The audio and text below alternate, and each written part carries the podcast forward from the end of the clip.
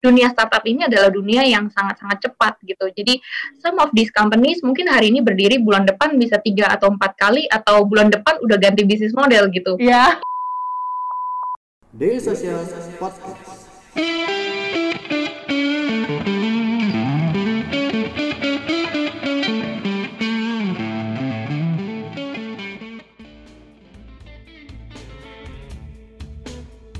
Visi Talks kembali hadir dan kali ini kita akan berbincang-bincang dengan Kezia Tenggono, Associate di Alpha JWC Ventures. Hai Kezia. Halo Yeni. Akhirnya kita ketemu ya. Selama ini cuma email-emailan atau melalui Adel ya. Iya, selama ini cuma Adel. Iya.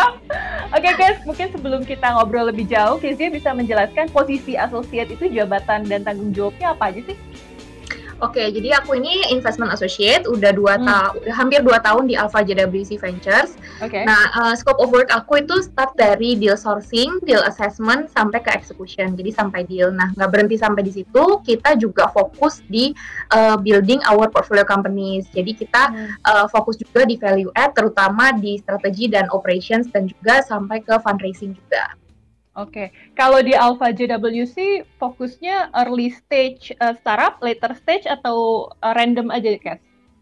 Kalau kita fokusnya di early stage, uh, di early stage, jadi mungkin hmm. dari seed sampai series B gitu, ya.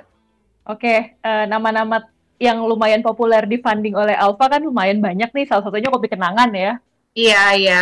Itu gimana sih kayak sebagai associate dan mungkin tim analis dan partner memilih the right startup dan ternyata sampai sekarang uh, jadi gede banget namanya. Itu gimana tuh caranya tuh Kezia dan tim memilih mengkurit startup the right startup sehingga mereka bisa besar uh, seperti saat ini?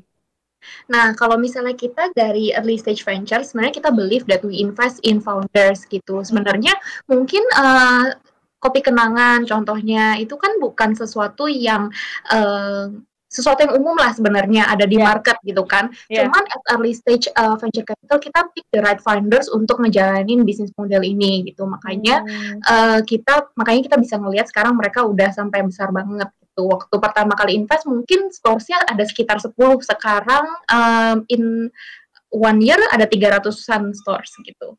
Tapi sebagai associate udah bisa memprediksi nggak sih, Kes, bisnis ini bakalan naik atau bis bisnis ini standar aja atau mungkin two or three years bakalan down atau up up and down? Kezia dan tim bisa ngeliat kayak gitu nggak sih, Kes? Uh, tentunya sih kita uh, with uh, any amount of uh, in an analysis ya kita hmm. uh, akan coba gitu. Cuman um, mungkin nggak ada yang tahu gitu kan kalau misalnya ditebak ya. tahun ya tahun ini 2020 tiba-tiba ada covid of course kita mau sehebat apa pun kita melakukan prediksi dan financial projection uh, sesuatu yang nggak akan kita yang kita nggak bisa capture lah cuman uh, when we invest in the right founders kita tahu gitu even kalau misalnya ada covid atau apa pun dia pasti akan bisa uh, seseorang yang pasti bisa terus berjuang supaya uh, company ini terus maju Hmm. Selama ini kan kalau kita bicara uh, visi dan investment dan fundraising kan orang mikirnya tuh uang aja nih, Kes.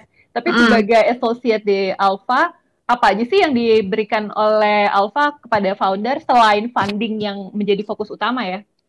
Iya, pastinya juga uh, kalau misalnya kita di Alpha kita believe when we invest in early stage companies kita juga memberikan value add terbaik buat mereka gitu. Yeah. Jadi uh, sebagai uh, mungkin some of these founders mungkin mereka adalah first time founders gitu. Jadi kita bantu yeah. mereka untuk uh, memulai companiesnya ini gitu. Uh, pertama dari hal uh, struktur organisasi kita bantu mereka untuk uh, rec uh, recruit uh, key members, key management team helping hmm. mereka untuk benchmark uh, di dengan company-company yang udah establish atau company startup di luar sana. Kita juga bantu mereka establish uh, dari sisi branding dan marketing. Okay. Selain itu juga legal dan uh, kalau dari investment team sendiri kita fokus di uh, strategi dan operations dan juga fundraising adalah helping mereka untuk karena sebagai uh, startup founders fundraising itu bukan hanya sekali dua kali ya tapi akan yeah. terus menerus. Jadi strateginya itu kita harus uh, tentuin dari awal dan discuss dengan existing investor. Uh, Kezia kan pasti sudah sering nih ketemu beberapa founder gitu ya di uh, Indonesia atau mungkin di luar dari Indonesia.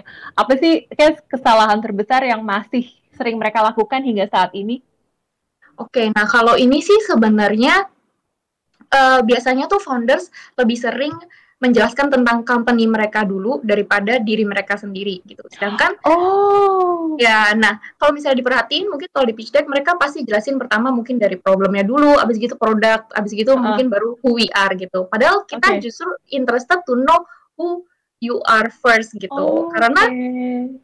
Uh, sebagai early stage uh, venture capital kita tuh invest di uh, founders kan gitu dan uh, jujur aja kalau founders-founders ini nggak nggak cuma satu atau dua founders yang sebenarnya ngelihat uh, problem yang sama atau bahkan come up with uh, similar solution. Cuman yeah. uh, balik lagi cuman um, sedikit dari mereka yang bisa benar-benar orang yang tepat untuk uh, menyelesaikan masalah itu gitu. Hmm. Jadi kita tuh tertarik kayak mereka kalau mereka membuat sebuah startup itu based on their experience not just based on their observation gitu.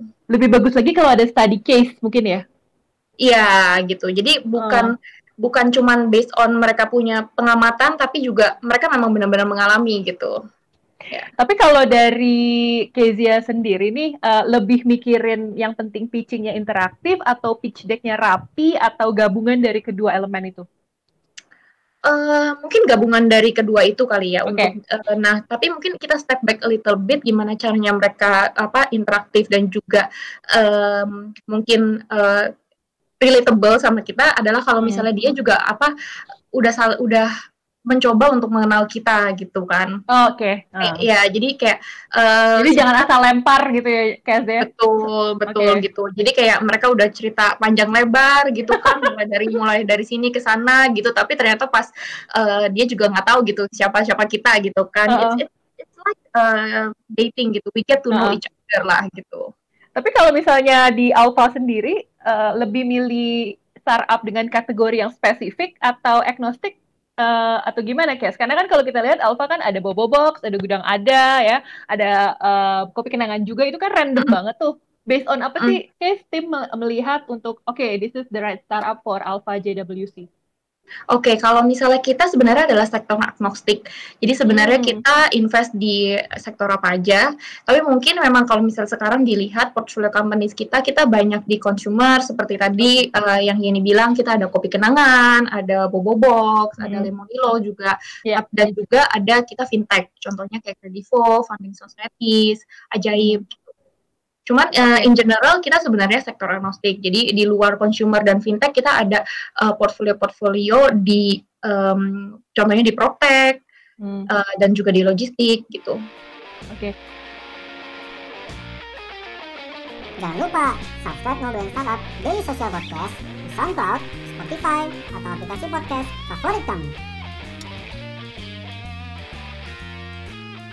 Kalau misalnya Kezia bisa kasih tips nih buat mereka calon-calon founder yang baru nih mau mengirimkan pitch deck atau ketemu di acara networking dengan tim dari hmm. Alpha, uh, apa sih yang harus mereka siapkan? Uh, mungkin aku kasih tips in general uh, tiga hal ya.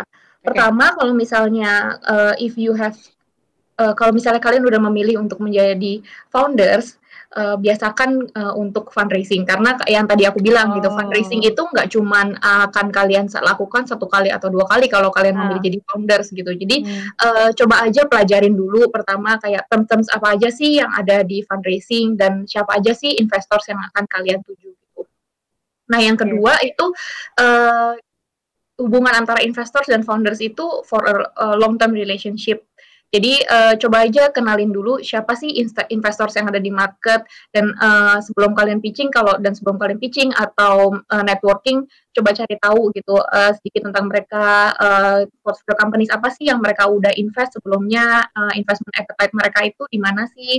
Uh, karena uh, at the end again it's a long term relationship. Jadi um, pilihlah investors yang uh, emang peduli dengan bisnis model kalian, dengan startup kalian, dan uh, mereka yang mau bekerja sama dengan kalian gitu. Hmm. Dan uh, yang ketiga juga uh, fundraising itu lagi-lagi nggak semua founders dan nggak semua startup itu sebenarnya membutuhkan uh, fundraising, apalagi fundraising dengan VC gitu. VC okay. itu uh, hanya salah satu tipe dari begitu banyak investors kan. Ada angel investors, uh, ada mungkin strategic investors. Jadi uh, make sure dulu kalian uh, mau menuju ke invest ke investor yang mana gitu dan hmm. uh, ke depannya bisnis kalian ini apakah tipikal bisnis yang grow uh, 10 kali dalam satu tahun atau tipikal bisnis yang mungkin dua sampai tiga kali gitu dan uh, pastikan juga kayak kalian tahu um, untuk apa fundraising uh, ini. Yeah. Ada yang bilang uh, the right time untuk fundraising ketika uh, dalam hal kapital kita udah cukup nyaman, udah cukup konfi gitu. Jadi nggak terlalu agresif untuk mencari funding. Apakah itu benar, Kat? Um, nggak juga ya? Justru nggak juga sih kalau menurut aku gitu. Again, Karena ada yang bilang play hard to get dengan visi lebih lebih esensial ketika melakukan fundraising daripada yang ngejar Kezia ke mana-mana gitu. belum, juga, ya? belum tentu sih ya, belum tentu beda-beda okay. lah. Hmm. Hmm. Oke, okay, jadi uh, tergantung kondisi ya. Iya, betul. Dan kebutuhan dari startup itu sendiri tentunya ya. Iya. Karena beda beda startup, beda beda beda kebutuhan kan pastinya. Jadi nggak bisa digeneralisasi menurut aku sih. Saat mereka udah dapat funding nih, Kes, apakah Kezia dan tim atau dengan partner di Alpha um, memberikan arahan lebih baik uangnya digunakan untuk ini atau semuanya diserahkan kepada founder keputusan? Oke, jadi kalau misalnya dari kita sih day to day, of course uh, mereka punya uh, it's still their company, kita cuma ya. minority, yeah. jadi day to day it's up to you. Tapi kalau misalnya uh, kalian butuh arahan, kalian butuh um, fit, butuh uh, pendapat dari kita, kita uh, very very open. Some of our founders kita bahkan ada weekly catch up atau monthly catch up, just uh, you know to have updates uh, dan juga kayak uh, mereka bisa uh, jelasin sama kita mereka ke depannya mau gimana dan kita juga bisa kasih mereka pandangan uh, dari learnings kami dari company-company uh, yang kita udah ketemuin dan dari portfolio companies kita yang lain. Hmm. Seru banget ya kerja divisi ya, Kes ya. Udah berapa lama tadi Kesnya? Dua tahun ya? Hampir yeah, dua almost tahun ya? years, ya. Yeah gimana sih caranya untuk jadi visi employee kan? Apakah harus masuk dari intern atau mungkin dari startup atau dari perusahaan apa aja bisa atau gimana? Kalau misalnya kita sendiri di Alpha kita punya uh, tim kami itu uh, punya background yang berbeda-beda. Oh. Ada yang sebelumnya oh. udah dari investment, ada yang sebelumnya di consulting, ada yang di startup, ada yang di unicorn. Okay. Tapi kalau misalnya in general to be a VC itu yang kalian butuhin adalah pertama itu kalian harus peka dan uh, cepat gitu karena dunia startup ini adalah dunia yang sangat-sangat cepat gitu. Jadi some of these companies mungkin hari ini berdiri bulan depan bisa tiga atau empat kali atau bulan depan udah ganti bisnis model gitu. Yeah. Jadi uh, yang dibutuhin itu sebenarnya uh, butuh untuk cepat untuk peka gitu melihat potensi okay. yang ada di market itu seperti apa dan uh, cepat juga menentukan dan mengeksekusi strategi dan nggak sampai di situ tapi juga cepat untuk reflect reflect back gitu whether this works or whether something does not work gitu. Idealnya harus langsung bisa beradaptasi atau dari tim ada pelatihan atau guidance yang diberikan kepada uh, misalnya uh, uh, Alpha ngerekrut associate gitu langsung dicemplungin gitu kes atau uh, Kezia dan tim mungkin memberikan arahan uh, sebentar atau sedikit gitu buat mereka.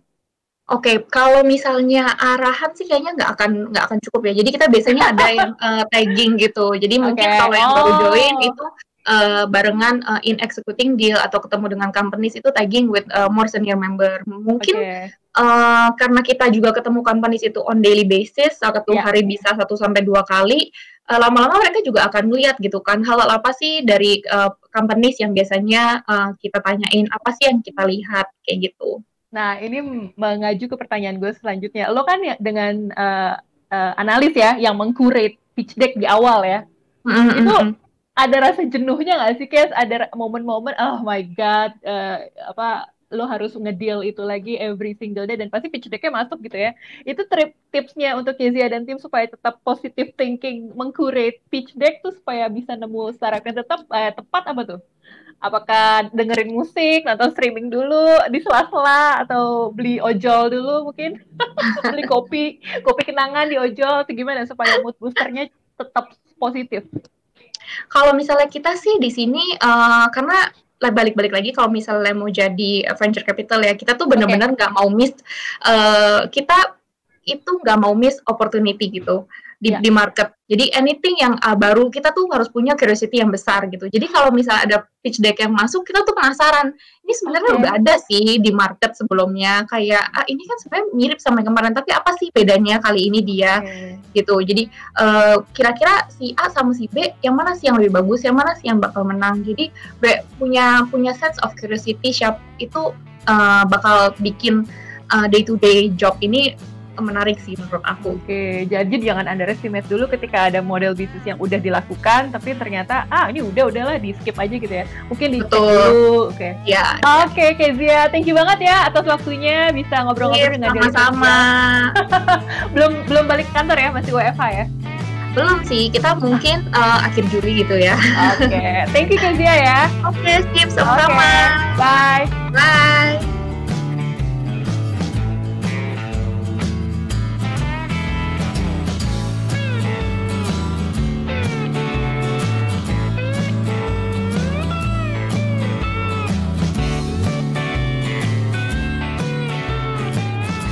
Terus keep in touch bersama kita di dailysocial.id untuk website kita. Di Facebook kita ada dailysocial.id, di Twitter kita ada @dailysocial dan di Instagram kita ada @dailysocial.id. Di LinkedIn kita ada Daily Social dan di YouTube kita ada Daily Social.